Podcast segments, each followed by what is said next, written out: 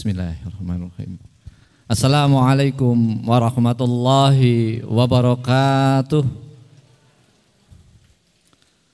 Alhamdulillah Alhamdulillahilladzi at'amana bi ni'matil iman wal islam. Alhamdulillahilladzi arsala rasulahu bil huda wa dinil haq liyudhhirahu 'alad dini kullih walau karihal musyrikun. Asyhadu an la ilaha illallah wahdahu la syarikalah wa asyhadu anna Muhammadan abduhu wa nabiyyuhu wa rasuluhu la nabiyya wa la rasula ba'dah. Qala rabbi israh li sadri wa yassir li amri wa hlul 'uqdatam min lisani yafqahu qawli. Rabbi zidni ilman warzuqni fahman. Allahumma la sahla illa ma ja'altahu sahla wa anta taj'alul hasna idza sita sahla. Allahumma salli ala Muhammad wa ala alihi wa sahbihi wa barik wa sallam. Ikhwanu fiddin wa akhwatu fillah rahimani wa rahimakumullah alhamdulillah.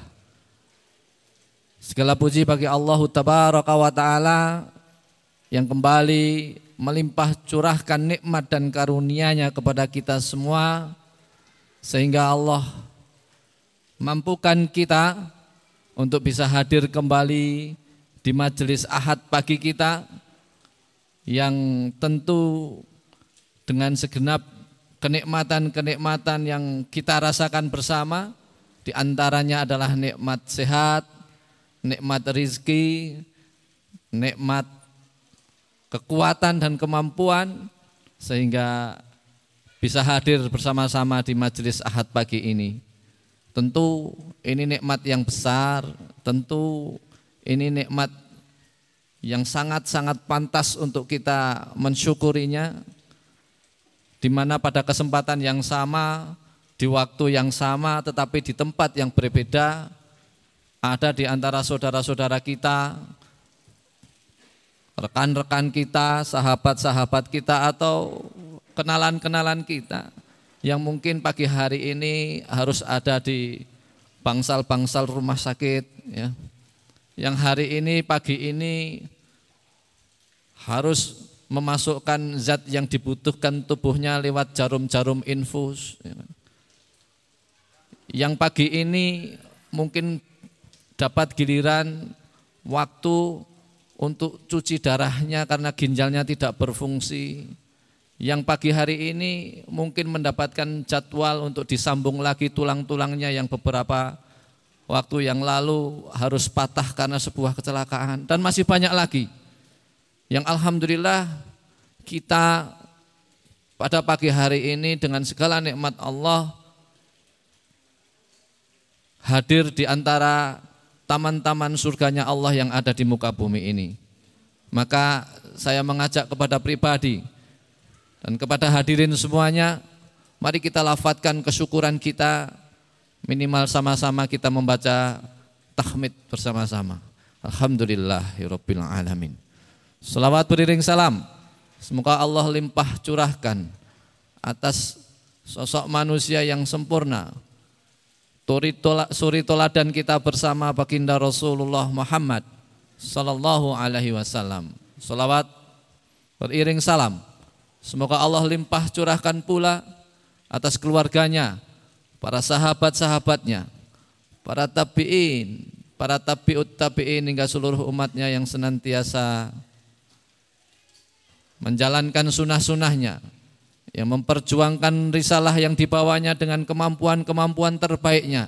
Dan semoga di antaranya adalah nama-nama kita yang harapannya menghantarkan kita kelak mendapatkan syafaatnya di yaumul akhir nanti Allahumma amin. Ikhwanu fidin wa akhwatu fillah rahimani wa rahimakumullah. Kembali rasa bahagia tidak bisa saya sembunyikan hadir di dalam diri saya menyambut panjenengan semuanya di pagi hari ini. Kita adalah orang yang dipilih oleh Allah untuk sampai ke tempat ini semoga Allah rizkikan kepada kita ilmu-ilmu yang bermanfaat yang bisa menjadi bekal kita untuk beramal soleh di waktu-waktu yang akan datang. Semoga Allah Ta'ala juga rizkikan kita apa yang menjadi kebutuhan-kebutuhan kita. Dan semoga Allah kabulkan doa-doa pun hajat-hajat kita semua. Allahumma amin. Maka kami mewakili Sohibul Bait, mewakili tuan rumah, mengucapkan sugeng rawuh, selamat datang kepada panjenengan semuanya, ahlan wa sahlan. Semoga perjalanan panjenengan dari rumah sampai tempat ini hingga kembalinya lagi nanti sampai rumah lagi diberikan kelancaran, keselamatan, dipahalai dengan pahala yang sempurna oleh Allah wa taala. Semoga di antara yang diberikan keistiqomahan untuk berada di dalam majelis-majelis ilmu adalah di antaranya adalah kita. Meyakini dan mengimani bahwa majelis ini di antara majelis-majelis yang akan memudahkan kita atas urusan-urusan kita dan memudahkan kita kepada tujuan paling ujung, tujuan paling akhir di antara kita adalah bisa memasuki janah-janahnya Allah. Ya, di mana Allah Taala ketika memberikan sebuah perumpamaan, ketika membuat sebuah perbandingan, ketika membuat sebuah analogi bahwa nikmat di dunia ini mataun qalil, nikmat yang sangat kecil. Nikmat dunia ini mataul ghurur, nikmat yang memperdaya saja, bukan nikmat yang sesungguhnya. Bagaikan fata morgana. Ketika kita cari, ketika kita kejar, seolah-olah ada di sebelah sana. Ketika kita sampai di tempat itu ternyata enggak ada yang kita cari. Itulah nikmat dunia. Mudah-mudahan kita menjadi orang-orang yang menjadikan nikmat dunia itu hanya sebagai umpan untuk mendapatkan nikmat yang sesungguhnya. Nikmat yang ada di sisi Allah Jalla Jalala, berjumpa dengannya, mendapati rah rahmatnya hingga memasuki pintu janah-janahnya Allahumma amin. Andaikan nikmat dunia ini dianalogikan sebagai sebatang sesayap nyamuk maka kita sama-sama mengetahui betapa tidak berharganya Andai kata sesayap nyamuk itu ternyata disematkan untuk analog kehidupan dunia, maka pantaskah kita menjadi orang yang meratap-ratap kalau kita merasa hanya kebagian sedikit dari nikmat dunia? Bahkan sebenarnya andaikan kehilangan, kalau analognya itu adalah sesayap nyamuk, harusnya tidak pantas kita bersedih hati terlalu mendalam hanya karena urusan dunia. Karena kata Allah, siapa yang ingin mengetahui tentang nikmat dunia, maka dianalogikan salah satunya sesayap nyamuk. Saya dan panjenengan, andai kata di rumah kita, jangankan sesayap nyamuk. Nyamuk yang utuh dengan kanan atau kiri sayapnya, yang ada kepalanya pun ada badannya, kaki dan semuanya ada itu pun masih di pikiran kita tidak berharga. Bahkan andai kata saya dan panjenengan di rumah kita ada dua, tiga, empat, lima ekor nyamuk. Ada yang meminta dari kita, Mas, saya mengetahui di rumah panjenengan itu ada lima ekor nyamuk. Bagaimana kalau saya meminta semuanya? Apakah ada di antara yang hadir di majelis ini? Oh jangan, Wah itu sangat berharga bagi saya. Kok bisa-bisanya jenengan kewanen masa nyamuk cuma lima ekor di rumah saya mau diminta. Insya Allah nggak ada yang bilang seperti ini. Ya, jangankan lima ekor, sepuluh ekor, seribu ekor sekalipun, fadol, silahkan ambil. Aku ikhlas, kan begitu, ya kan? Bahkan kalau tidak ada yang mau mengambil, malah kita sendiri yang repot, harus mencari obat. Apakah itu obat semprot, apakah itu obat bakar, begitu kan? Ini saya dan panjenengan kan seperti itu. Andai kata di rumah kita ada banyak nyamuk, kira-kira ada di antara saya dan panjenengan yang berbahagia. Alhamdulillah ya Allah, sudah terkumpul seribu nyamuk di rumah kami. Mudah-mudahan besok menjadi dua ribu. Enggak ada yang seperti ini. Ya, pasti akan kebingungan mencari cara agar nyamuk-nyamuk itu keluar. Atau itu harus mati atau keluar tanpa banyak basa-basi. Itulah manakala kita menyikapi dunia ini dengan porsi yang semestinya harusnya tidak pantas dunia ini menjadikan kita terlalu bersedih hati. Toh hanya sesayap nyamuk.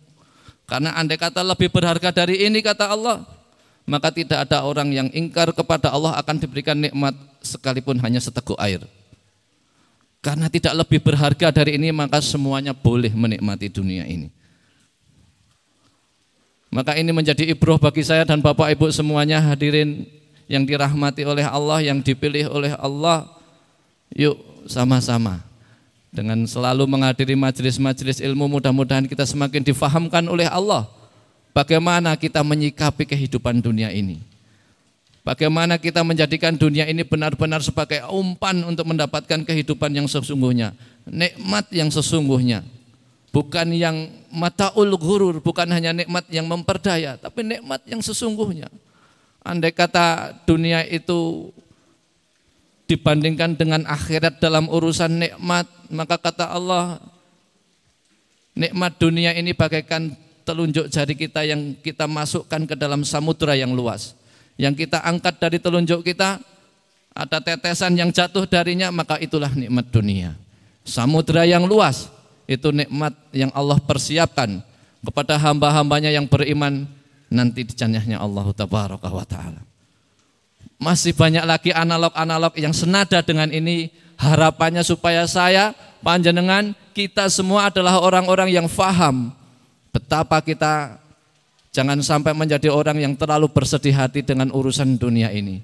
Mari kita jadikan dunia sebagaimana sudut pandang yang semestinya yang Allah inginkan menjadikan ini jalan ibadah kepada Allah, menjadi ini kesempatan yang masih tersisa yang Allah nikmatkan kepada kita untuk terus menginvestasikan setiap kebaikan-kebaikan dan amal soleh kita hingga itu menjadi jalan untuk kita mendapatkan keselamatan yang Allah sudah janjikan. Ikhwanu fiddin wa akhwatu fillah. Rahimani wa rahimakumullah. Hari ini kita sama-sama akan belajar dari guru kita kaitan dengan tema silaturahim. Tapi sebelumnya untuk menghangatkan suasana karena ini jaraknya agak jauh ya kan. Karena harus ada rongga-rongga di antara panjenengan semua khawatir kedinginan panjenengan semua karena ini suasananya lumayan mendukung dari sekian hari yang lalu kita diberikan nikmat oleh Allah hujan sering dari pagi sampai malam hari. Alhamdulillah, mudah-mudahan itu menjadi di antara kebaikan-kebaikan kebaikan-kebaikan Allah yang disuguhkan untuk kita warga Temanggung. Allahumma sayyiban nafi'an insyaallah. Maka pada kesempatan kali ini saya ingin menghangatkan suasana Mudah-mudahan saudara-saudara kita yang hari ini sedang diberikan oleh Allah kesibukan di tempat lain, agenda-agenda di tempat lain, semoga agenda-agenda sahabat-sahabat saudara kita juga agenda-agenda yang mengundang barokah dari Allah. Mudah-mudahan saudara-saudara kita yang punya agenda di tempat lain, semoga itu semua bernilai ibadatullah. Sebagaimana kita harapkan yang ada di tempat ini. Kita doakan, kita selalu mendoakan kebaikan-kebaikan. Kita selalu berprasangka baik, karena memang itu pelajaran yang tidak mudah. Yang mudah itu berprasangka buruk. Yang mudah itu nyalah ke orang lain, itu mudah. Semua orang bisa. Tetapi dengan segala kondisi kita, dengan segala keadaan kita, dengan berbagai macam rasa yang mungkin semacam rasa tidak nyaman yang dihadirkan oleh orang lain, tapi kita masih punya stok yang banyak untuk memprasangkai dengan prasangka baik, itu bukan pekerjaan mudah. Ya. Sementara dunia ini sifatnya adalah ujian. Ujian itu tidak mudah tapi tidak mustahil maka level ujian itu biasanya sulit. Ya kan? Kalau mudah berarti semuanya lulus. Kalau mustahil berarti tidak ada yang lulus. Maka karakter ujian itu adalah sulit. Ya. Siapa orang yang bersungguh-sungguh, tenanan, maka dia akan bisa melewati ujian-ujian itu. Karakter ujian sulit. Mendatangi majelis-majelis ilmu itu sulit karena ini ujian. Ya. Maka mudah-mudahan saya dan panjenengan adalah hamba-hamba yang dipilih oleh Allah untuk senantiasa memiliki stok husnudon. Husnudon kepada Allah wabil khusus dan husnudon kepada sesama kita. Husnudon kepada tetangga kita. Husnudon kepada keluarga-keluarga kita. Husnudon kepada rekan-rekan kita. Mudah-mudahan dengan itu kita dipilih oleh Allah untuk terus dibersihkan hatinya, semakin faham hakikat-hakikat kehidupan, menjadikan kita faham bagaimana harus bersikap atas kehidupan itu. Mudah-mudahan dengan itu kita menjadi orang-orang yang ahli sabar, menjadi ahli syukur, menjadi ahli ikhlas dan seterusnya. Allahumma amin. Itu bukan pekerjaan mudah kembali lagi ya. Itu mudah diucapkan saja. Tetapi ketika mau mempraktekkan dalam kehidupan butuh effort, butuh perjuangan. Nah, butuh teman, butuh lingkungan yang bagus dan seterusnya. Maka mudah-mudahan majelis kita menjadikan di antara kita diikat dalam ukuah, dalam pertemanan, dalam persaudaraan yang terus bisa saling menasihat, menasihat-nasihati dalam perkara kebenaran. Yang bisa saling ingat mengingatkan karena kita tempatnya lupa, karena kita tempatnya salah dengan pertemanan, dengan persaudaraan, dengan lingkungan yang baik. Mudah-mudahan kita dijaga oleh Allah untuk terus berada di jalan kebaikan. Allahumma amin. Ikhwanu fiddin wa akhwatu fillah rahimani wa rahimakumullah kaitan dengan silaturahim. Mbak yang bertugas panitia saya ingin membagikan door terlebih dahulu. Siapa yang pagi hari ini sudah silaturahim?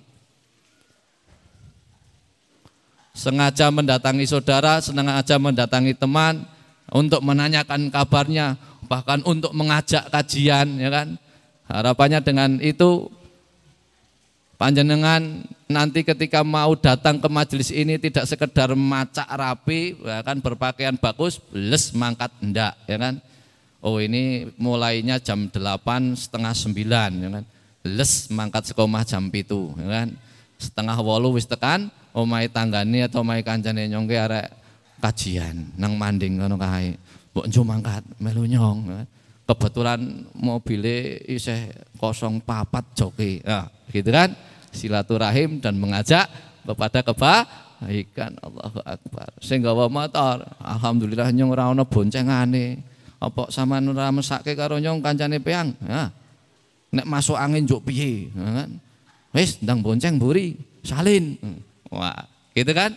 Ternyata akhirnya jok yang belakang yang sama-sama ketika di dinaikin atau dinaikin atau tidak dinaikin bensinnya keluarnya sama.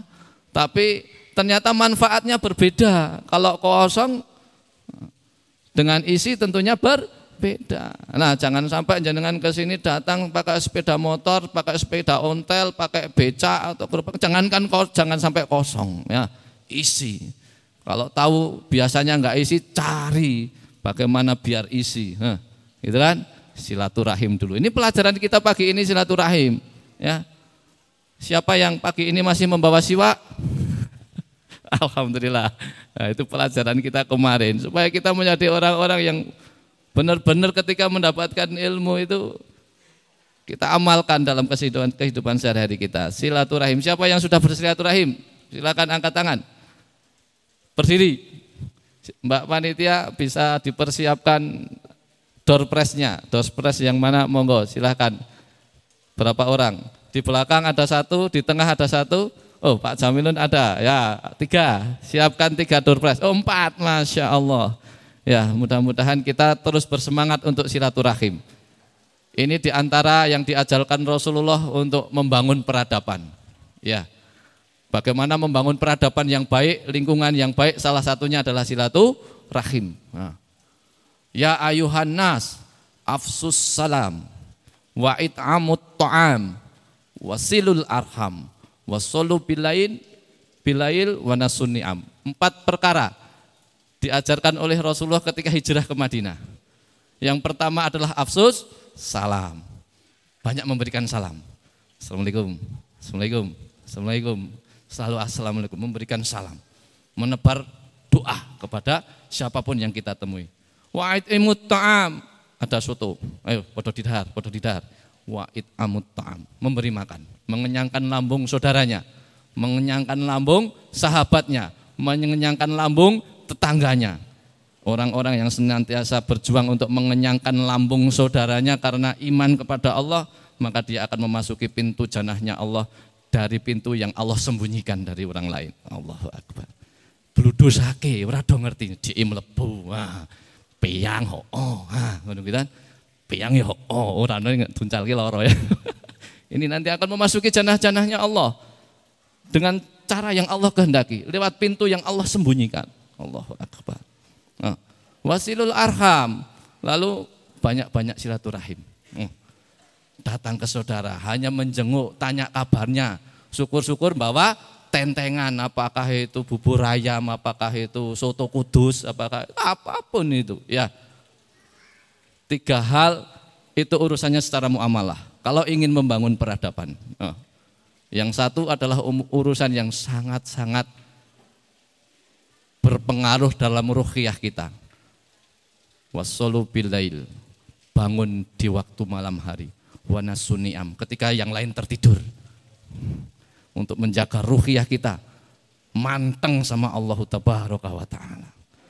Nanti orang yang bisa seperti ini kata Allah, tadkhulul jannata bisalam akan memasuki surganya Allah. Diperintahkan melebu, melebu kayak tadi gitu ya. Mudah-mudahan saya dan panjenengan adalah orang-orang yang nanti mendapatkan kesempatan seperti ini. Dipersilahkan memasuki janahnya Allah karena ikhtiar-ikhtiar kita di masa hidup kita. Allahumma amin. Ikhwanu fidin wa akhwatu fillah rahimani wa rahimakumullah. Sudah disampaikan semua Mbak Panitia? Door prize-nya sudah? Oke, ya Alhamdulillah kita akan sama-sama mendengarkan mau itu hasanah tausiah dari gurunda kita Kiai Haji Umar Fakihudin kepada beliau kami persilahkan. Tapi saya menunggunya di bawah. Nanti ketika beliau sudah mau masuk ke session doorpress lagi atau pertanyaan saya akan naik lagi. Saya akan memberikan kesimpulan atau memberikan tambahan atau memberikan doorpress untuk panjenengan semua insya Allah. Gitu ya. Semoga kita mendapatkan ilmu yang luar biasa insya Allah nanti dari beliau terkait dengan pemaparan silaturahim. Semoga kita bisa menyimak dengan seksama pemaparan-pemaparan dari beliau kaitannya dengan ilmu silaturahim ini. Sementara waktu saya cukupkan dulu apa yang bisa sampaikan sebagai mukodimah. Dipersilahkan kepada Kiai untuk menyampaikan ilmunya. Faliyatafadhal maskuran.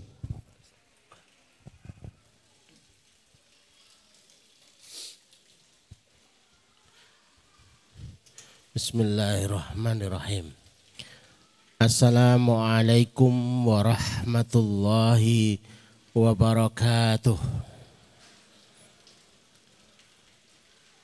Alhamdulillah.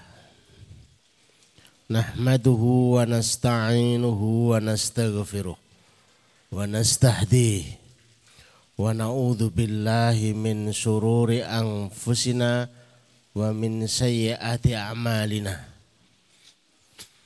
من يهده الله فلا مضل له ومن يضلل فلا هادي له نشهد أن لا إله إلا الله ونشهد أن محمدا عبده ونبيه ورسوله لا نبي ولا رسول بعده اللهم اشرح صدورنا وتزوس عن سيئاتنا Wahab lana fahmal anbiya wal mursalin. Wahab lana fahmas salafus salih. Allahumma anfa'na bima 'allamtana. Wa 'allimna ma yanfa'una wa zidna ilman. Wa na'udzu billahi min ahwali ahli nar. Allahumma la sahla illa ma ja'altahu sahla wa anta taz'alul hazna idza syi'ta sahala. Rabbi syrah li sadri wa yassir li amri wahlul 'uqdatam min lisani yafqahu qawli rabbi zidna ilma. Amma ba'd Bapak, Ibu dan jamaah sekalian yang semoga dirahmati Allah semoga dicintai oleh Allah Subhanahu wa taala dan semoga diridhai oleh Allah Subhanahu wa taala. Berbahagia kita ketika kita itu masih diperdengarkan satu kalimat, dua kalimat yang itu menjadi petunjuk agar kita itu diselamatkan oleh Allah Subhanahu wa taala. Mereka yang keroyo-royo, penuh perjuangan. Datang dengan motor, ada yang jalan kaki, ada yang naik angkot. Betul-betul merasakan kelelahan. Maka mendapat hiburan dari Rasulullah fahuwa fi sabilillah. Baru kaki pertama keluar. Sampai dia pulang lagi ke rumahnya itu dihitung fi sabilillah. Padahal kalimat fi sabilillah itu harganya itu harga istimewa. Tidak sembarangan. Kita belum ngerti. Tapi seorang Syekh Al-Burhani dari Syria itu bercerita yang menjadikan kita itu tambah yakin. Ketika beliau itu sebagai khufar, tukang gali kuburan. Ada dua kuburan yang ketika dimakamkan, dimasukkan di liang lahat, yang tertampak oleh mata, itu berubah semuanya. Harusnya itu adalah pemakaman, tapi yang terlihat itu adalah seperti taman. Bingung dia. Ini ada apa? Apakah ini sebuah ilusi? Ataukah sebuah halusinasi? Ketika ada seorang ibu yang ziarah kubur. Ziarah kubur itu termasuk yang dibolehkan karena Rasulullah itu memerintahkan tapi itu diralat sebelumnya. Awalnya tidak boleh terus kemudian dibolehkan. Melihat hasilnya dan dampaknya itu. Itu bisa zikrul maut dan zikrul akhirah. Mengingatkan kepada kematian dan mengingatkan tentang akhiratnya. Ditanya, ibu itu makamnya siapa? Kok jenengan ziarah itu? Ini makam anak saya kalau yang sebelah sana itu kakaknya. Amalan apa yang membuatnya itu begitu terhormat sehingga ditampakkan oleh Allah melihatnya seperti taman di mana orang lain nggak melihatnya. Maka ia cerita anak saya itu tolibul ilmi.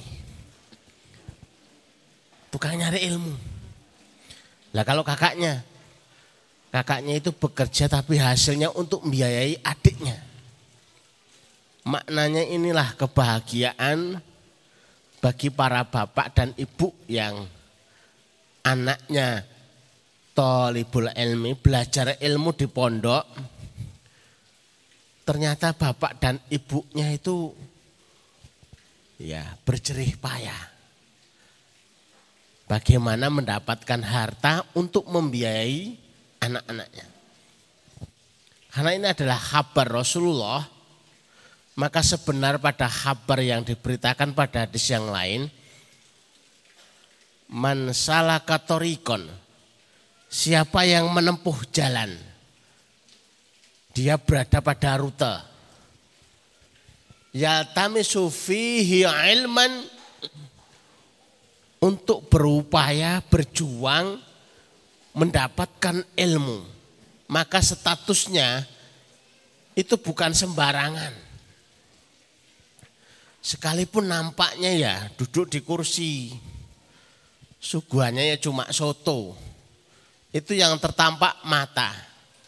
Tapi yang dilihat oleh hati, fahuwa fi sabilillah. Fahuwa fi sabilillah sahalallahu lahu bihi tariqan ila jannah.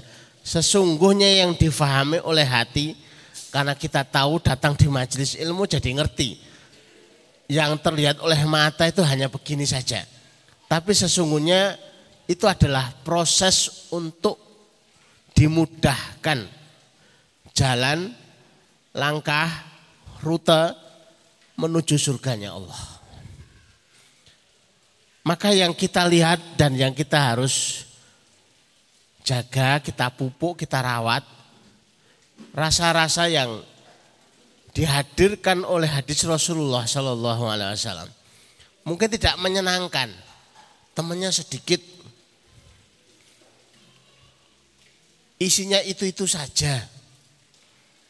Terus dapat suguhan cuma begitu-begitu saja.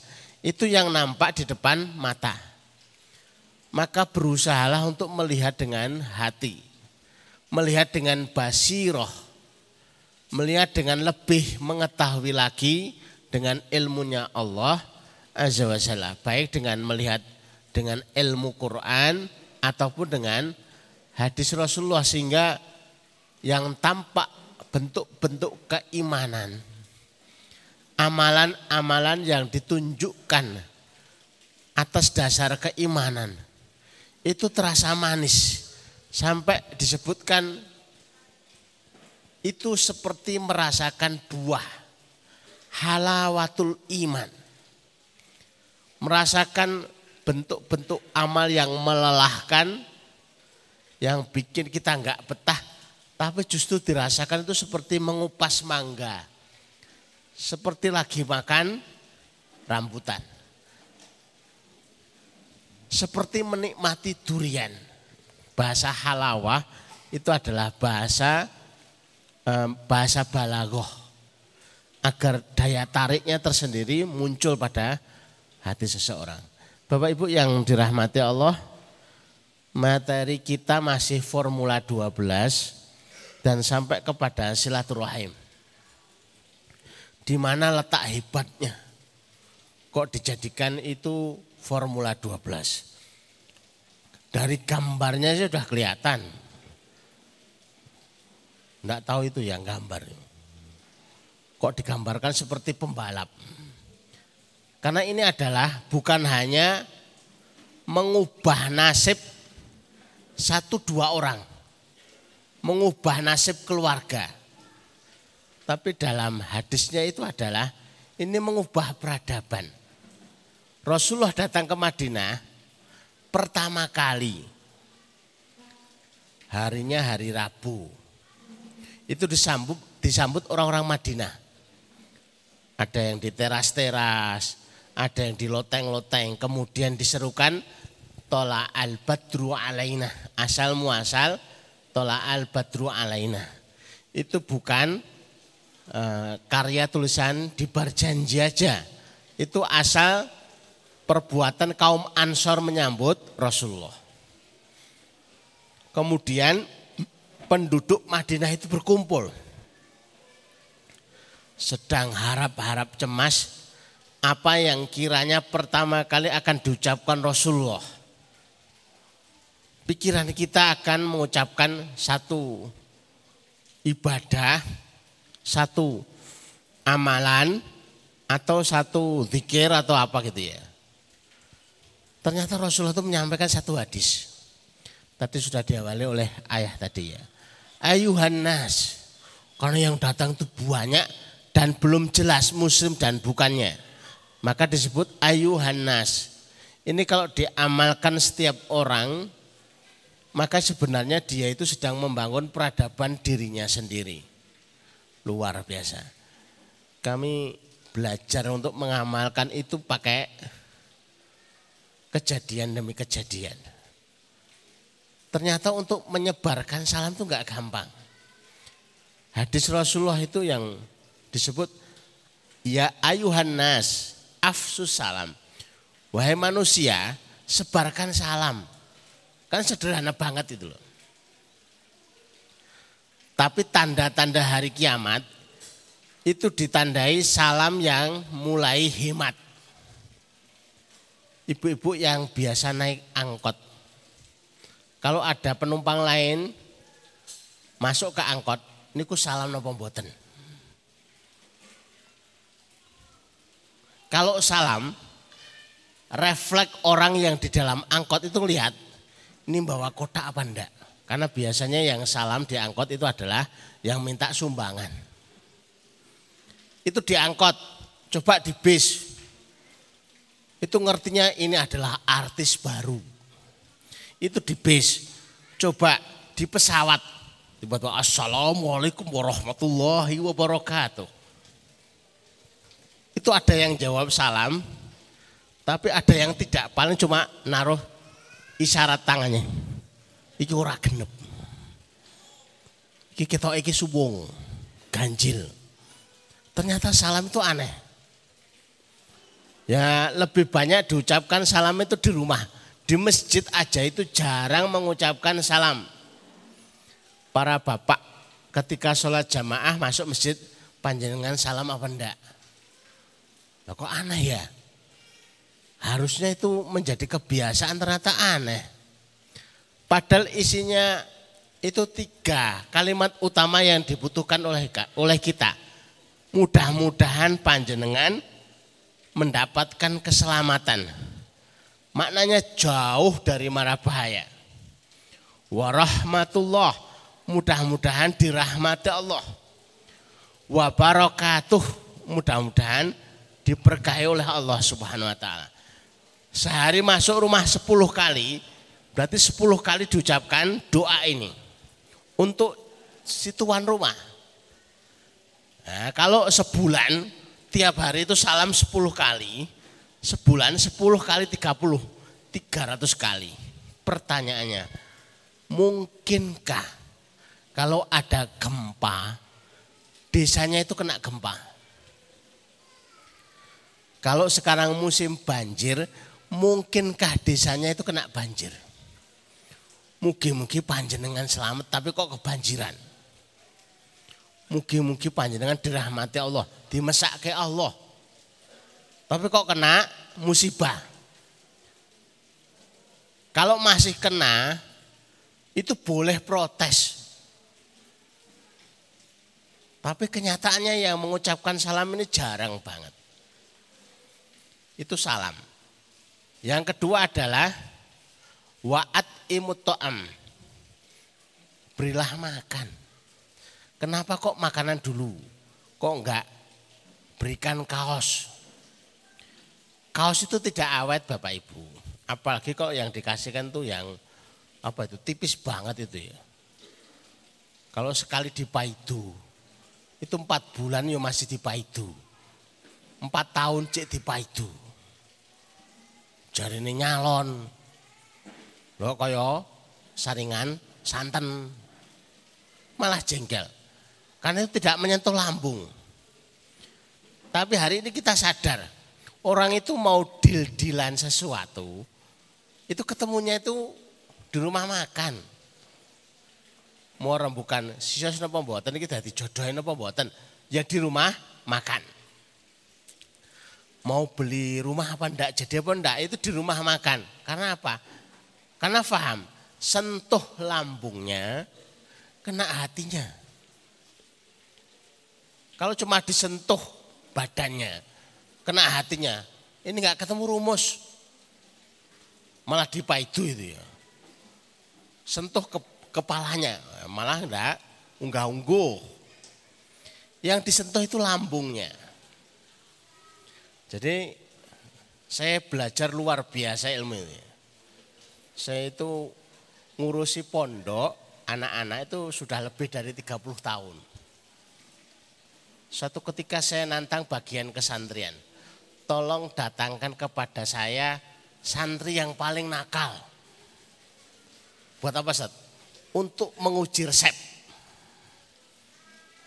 Begitu datang di rumah, saya minta sama istri, tolong digoreng ke telur. Terus teh gelas, teh yang di dalam kelas yang besar. Tak panggil anaknya itu, nak dimakan.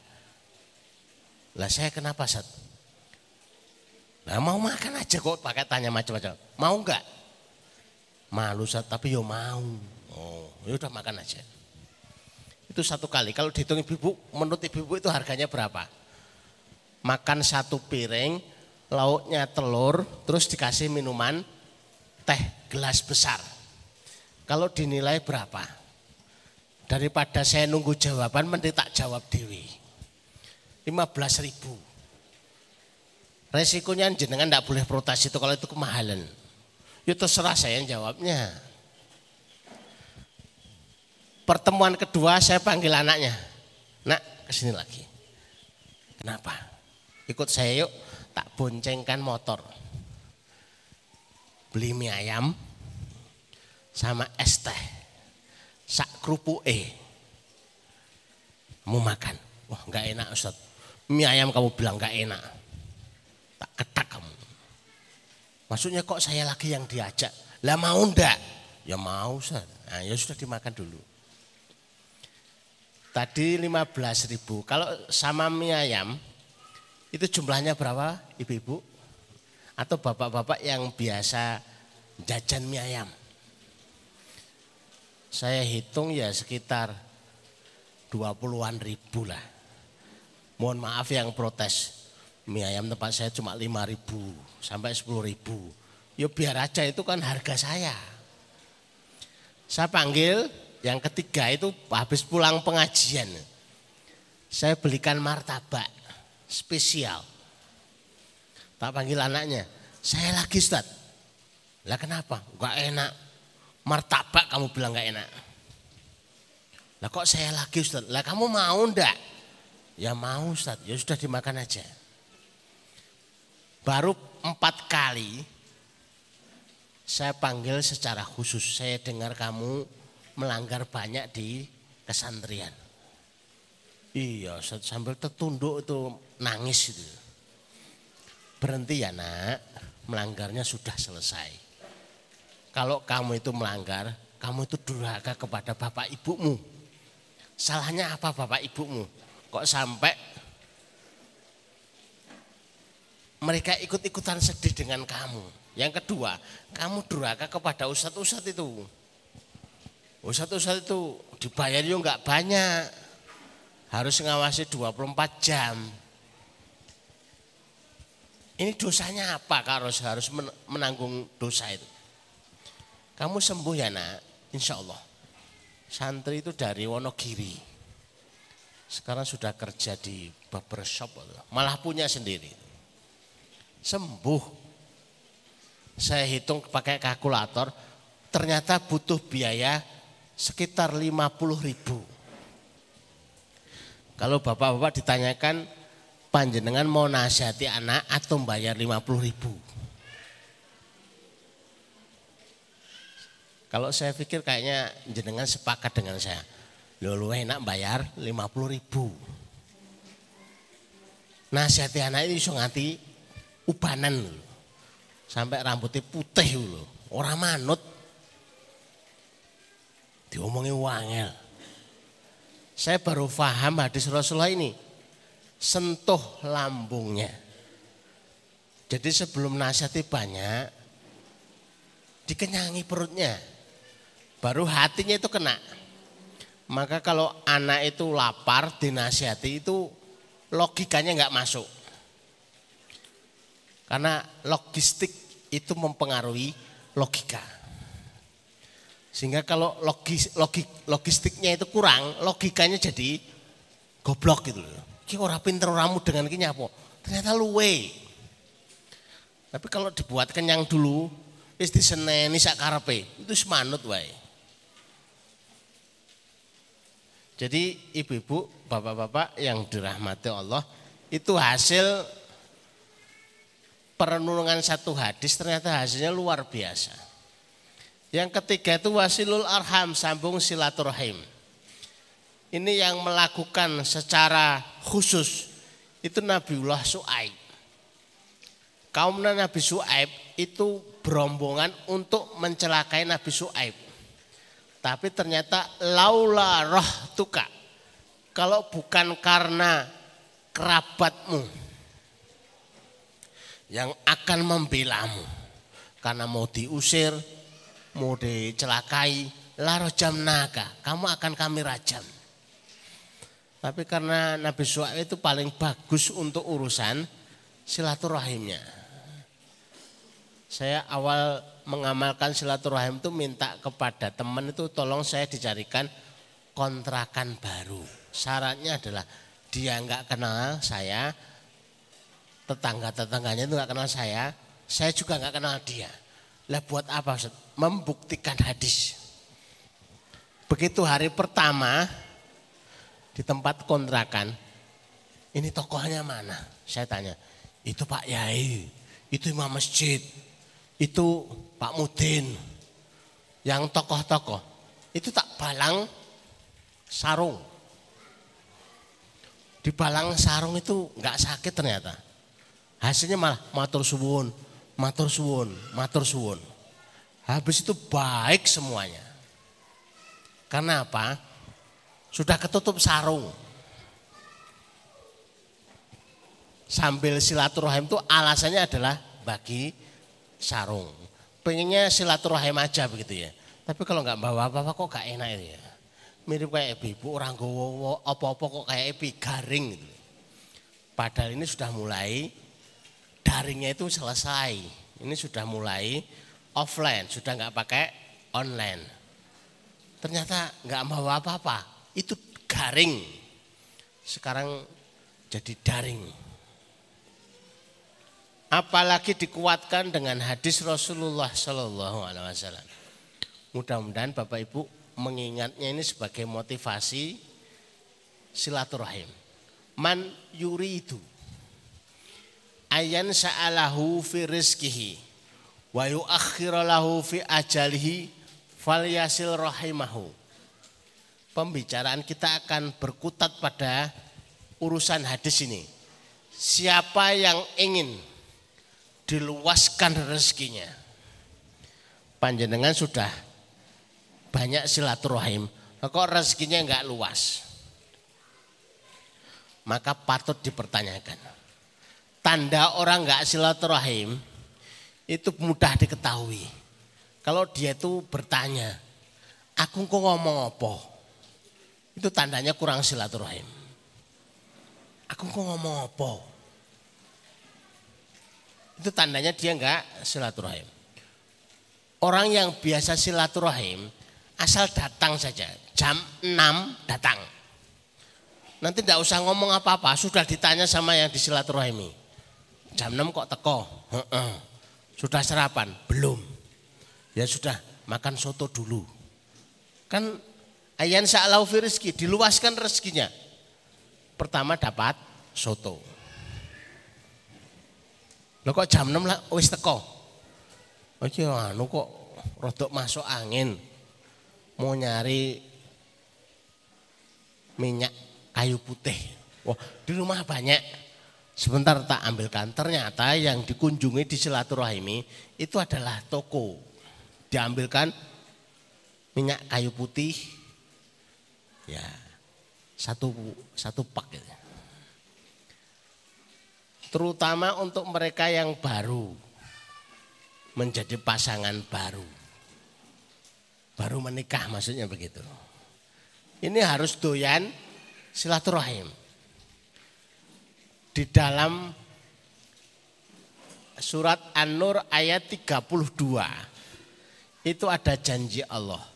Barang siapa yang menikah yughnihimullahu min fadli. Allah akan mengkayakan.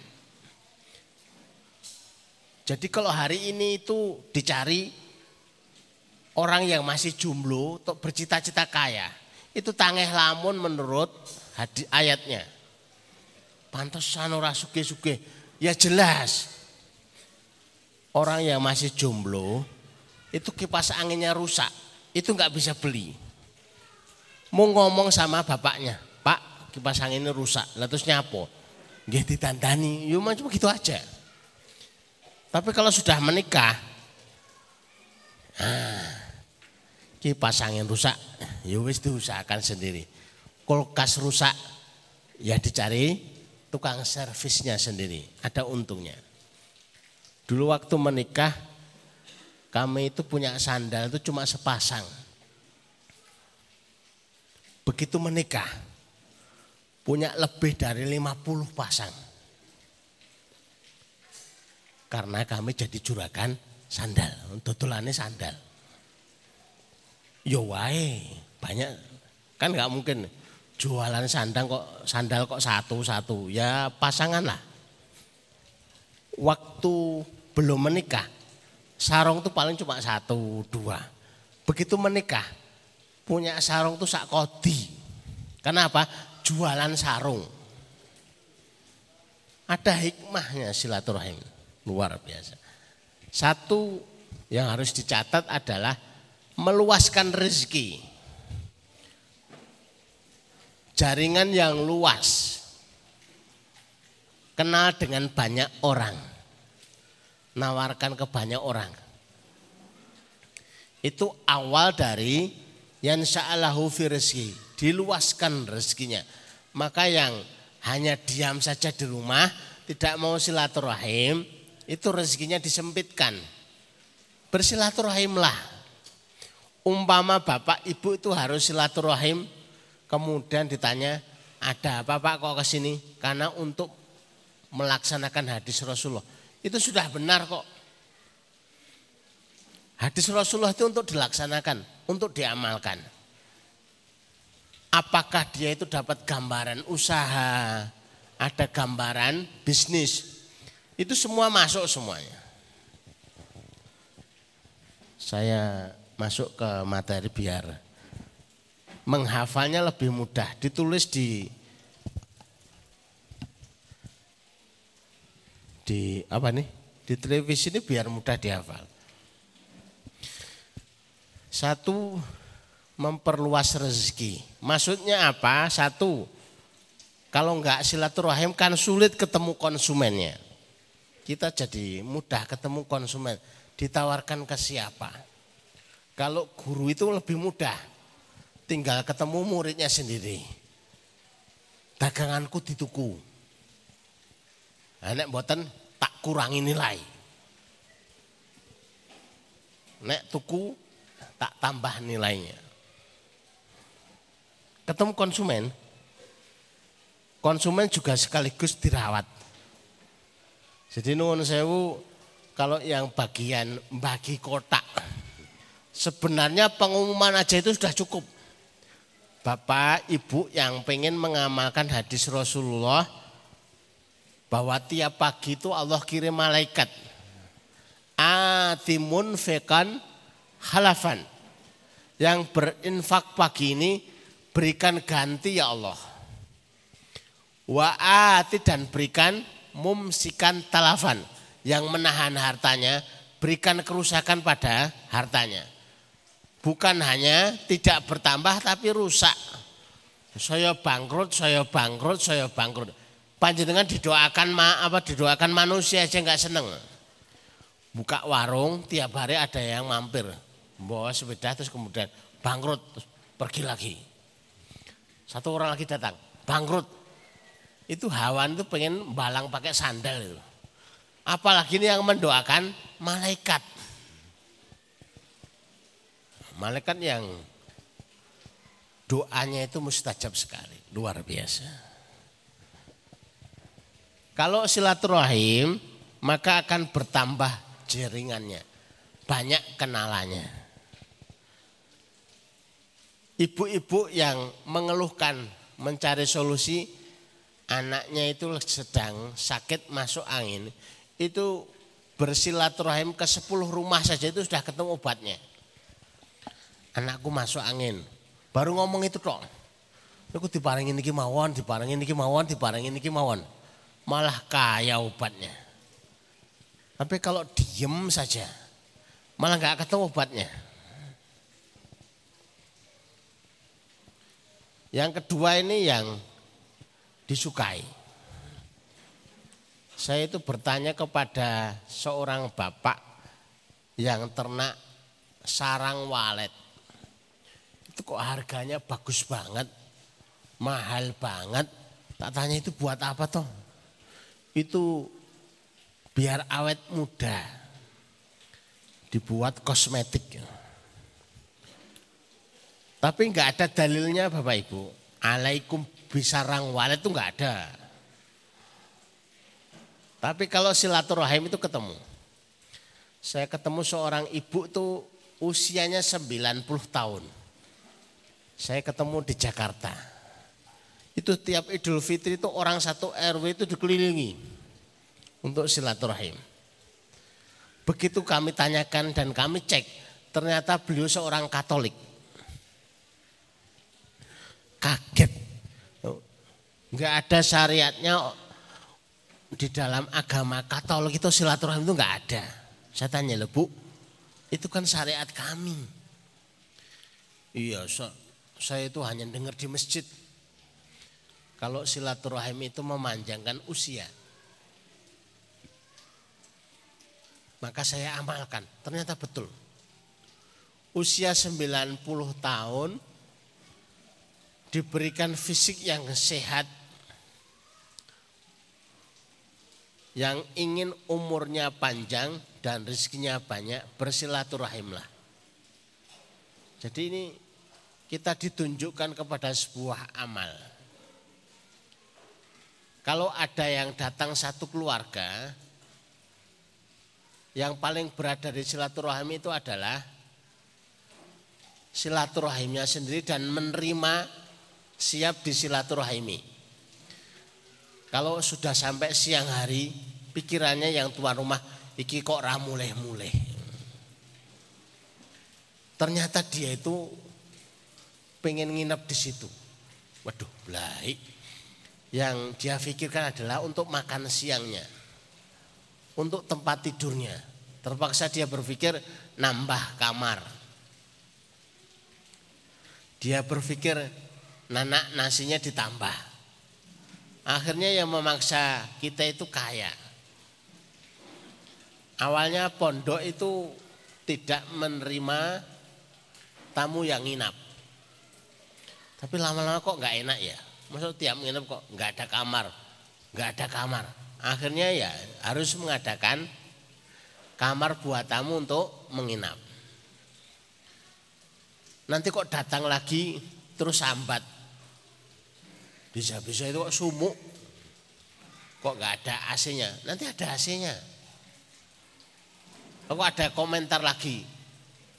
Udaranya dingin. Mau mandi tadi takut mandi sehari sekali. Akhirnya ditambahi heater. Ternyata silaturahim itu membuat kaya seseorang. Rezekinya luas. Kalau rezekinya luas itu berdampak kepada usianya panjang.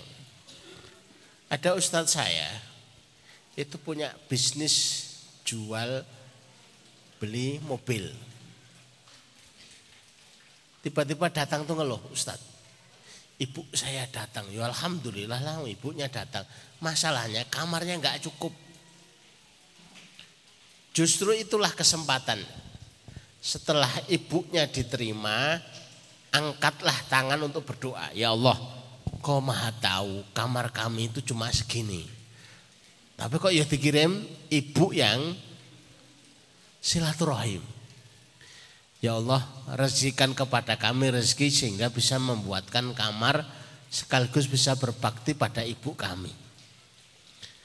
Satu bulan itu laku delapan unit. Tapi habis laku ya sepi lagi karena sudah cukup untuk buat kamar. Saya termasuk yang mewaspadai ya. Kalau rezeki itu diundang karena kita itu punya misi. Tapi begitu misi selesai, ya sepi. Maka berapa banyak bapak ibu itu yang memperhatikan anak-anaknya begitu dewasa. Itu bisnisnya sepi. Alasannya sih saingan, kalah modal, dan macam-macam. Tapi sebenarnya ya, ya ini sudah sudah misi tercapai, misi tercapai ya kembali lagi ke awalnya ya sepi kembali. Setelah kita menyebutkan hadis tentang silaturahim disebutkan bahwa yang menjadikan usia panjang itu dengan silaturahim karena satu dia akan merasa lebih senang. Orang yang lebih senang dalam hari-harinya itu usianya lebih panjang. Memang usia itu ada yang ngatur yaitu Allah Azza wa Jalla. Tapi kalau dalam suasana senang terus itu terawat. Yang kedua, lebih ketemu solusi. Karena dia silaturahim, solusinya banyak. Mau kesulitan A, kesulitan B, itu ada solusinya semuanya. Sehingga tidak sempat berpikir masalah ini tidak selesai. Tapi selalu berpikir solusinya mesti ketemu. Asal silaturahim mesti ketemu.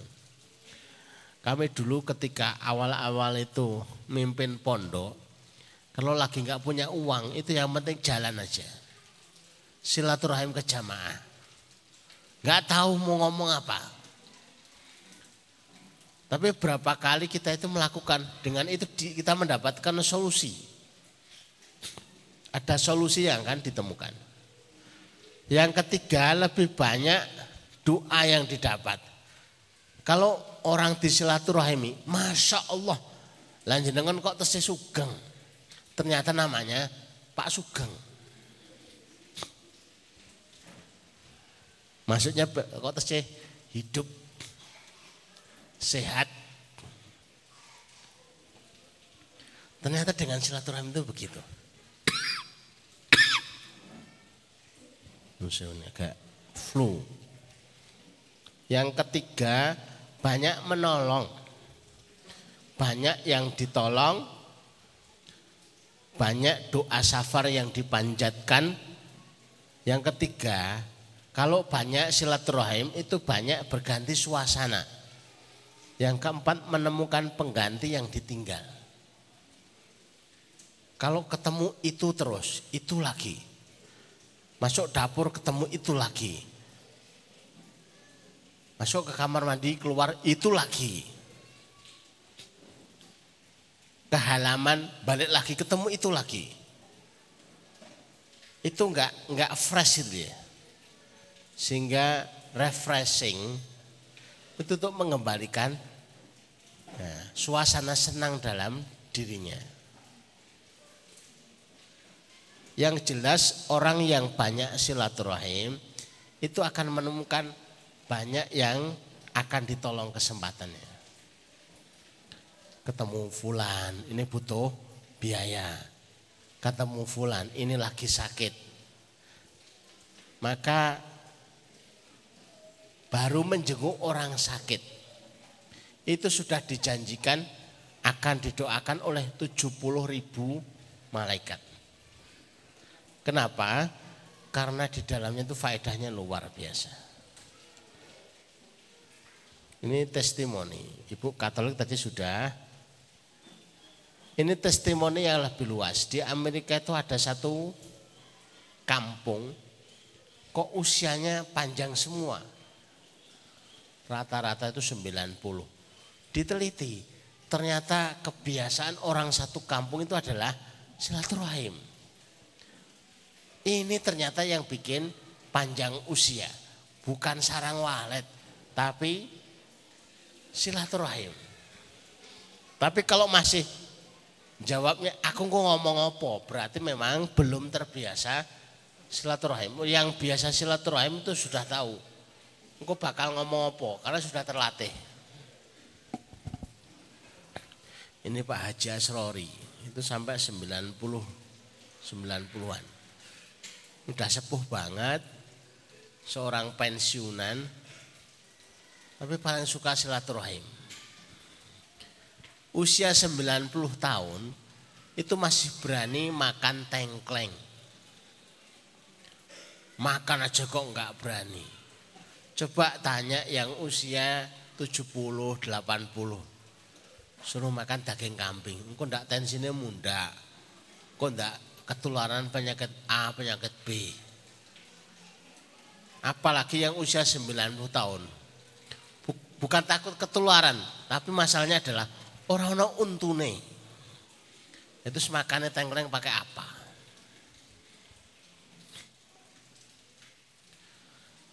Dan bisa disaksikan orang yang silaturahim itu tampak lebih muda. Panjenengan lihat saja. Ini kelihatannya kok usianya masih 40 tahun, 50 tahun ternyata usianya sudah 70 tahun. 80 tahun. Kok tampak muda? Dari mana keberkahan hidup itu menjadi lebih muda? Karena mengamalkan hadis Rasulullah Shallallahu Alaihi Wasallam. Kalau bapak ibu itu butuh alasan silaturahim, padahal kita itu mengaji itu sudah dengan alasan yang cukup yang pertama adalah untuk penguatan nikmat yang ada pada kita.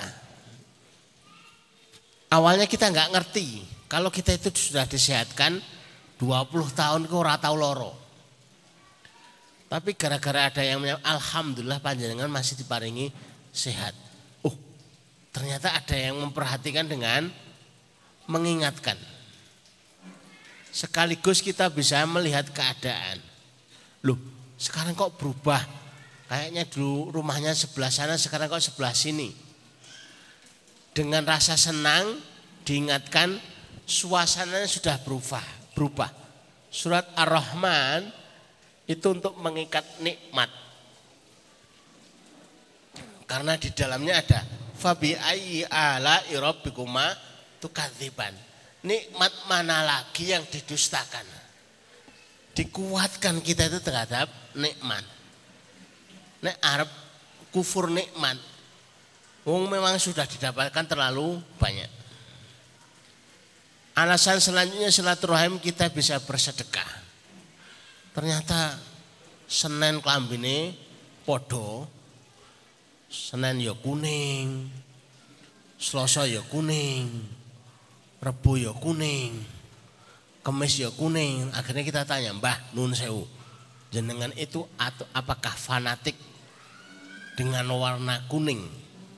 Apakah jenengan itu ikut partai tertentu? Ikut Golkar atau gimana? Boten. Lah kok pakaiannya kok kuning? Lah duwene ya iki. Akhirnya dia berdiri minta izin kepada takmir Nuhun sewu semuanya kalau bisa besok sholat subuh bawa uang seribu, seribu, seribu. Dikumpulkan, ternyata yang hadir itu ada 50 orang. 50 ribu secara ringan. Uang seribu kok bisa nulung belikan baju. Dikumpulkan 50 ribu, itu jadi ide untuk membelikan baju baru bagi mbak ini. Yang selanjutnya alasan yang keempat adalah untuk mencarikan solusi. Apakah itu solusi kehidupan termasuk solusi jodoh? Jenengan kok orang nikah-nikah apa termasuk? Dereng angsal jodoh. Wow. Saya punya ponaan saya punya cucu. Sebenarnya dia sudah tahu itu. Tapi ditunjukkan itu keponakan saya. Wah, nek baik rajin kalau ini mesti putune ya rajin. Akhirnya dia lebih tertarik. Akhirnya terjadilah proses perjodohan. Itu sebuah alasan tersendiri.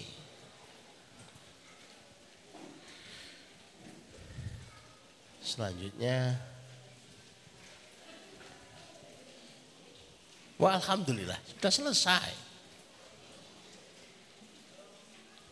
Alhamdulillah Bapak Ibu yang dirahmati Allah. Alasan kita tentang silaturahim termasuk hikmahnya sudah kita dapatkan. Sekalipun panjenengan juga ngempet gitu ya. Saya juga ngempet. Ngempetnya itu iki durbase kapan gitu. Anak kok kayak ceramah terus ya ora durpres durpres. Kok cucu ditutup mulai. Wah, wis suasananya itu mendung, yang ditunggu itu dapat door prize, malah door prize carry. Pengajarannya tua banget itu ya. Jadi mohon maaf kalau sekiranya itu adalah mengganggu panjenengan. Dufres itu adalah ide. Kami dulu itu mengadakan pengajian di kampung halaman. 17 tahun tuh enggak ada pengajian. Pengajian di masjid itu nggak ada. 17 tahun. Akhirnya kami membuat door prize. Yang saya tawari ya jamaah yang hadir di door prize saja. Monggo Bapak Ibu yang satian ayam, satian telur, sampai satian kerupuk yang ingin berkesempatan bersedekah silahkan menghubungi panitia. Akhirnya yang datang itu banyak lintas desa ribuan. Karena Dorpas itu Yang terkumpul itu sampai nominalnya itu 10 jutaan. Tapi di antara semua prize, saya belum ketemu di sini ada. Di sana nggak laris, di sini saya khawatir juga nggak laris. Itu bidan yang menawarkan pemeriksaan hamil gratis. Itu sepi. Ini kalau ditawarkan di sini kayaknya ya khusnudon saya kayaknya sepi lagi gitu. ya. Akhirnya nggak diumumkan. Nah ibu-ibu itu cemas kalau diumumkan. Waduh, jadi konangan hamil, tambah tanggungan dan lain sebagainya. Demikian Bapak Ibu yang semoga dirahmati Allah yang kami sampaikan mudah-mudahan menambah ilmu sehingga lebih senang lagi silaturahim. Sama-sama silaturahim, istilah silaturahim kemudian itu di masyarakat menjadi silaturahim ya. Harusnya itu silaturahmi. Jadi yang ditujukan pertama kali itu adalah mereka yang terhubung dengan rahim. Ya, keponakan, sepupu, Pak Le, Pak D, atau kerabat yang masih, itu yang harus dirawat. Jangan sampai seperti kami alami itu ya. Komunikasi di Facebook. Menawarkan kuda. Ternyata yang beli itu nggak tahunya adalah sepupu sendiri. Lebih parah lagi, rumahnya belakang rumah. Tapi nggak tahu, oh ngerti yang ngono. Tapi hari ini karena dibatasi ya, dunia medsos itu lebih dikenal daripada dunia offline langsung. Jadi ya dampaknya jadi kurang bagus juga. Wallahu a'lam bishawab, saya kembalikan kepada Ayah Heri selanjutnya untuk pertanyaan ataukah doorpress yang mungkin masih ada. Jazakumullah barakallahu li walakum subhanakallahumma rabbana wa bihamdika asyhadu an la ilaha illa anta Astagfiruka wa atubu ilaik. Assalamualaikum warahmatullahi wabarakatuh.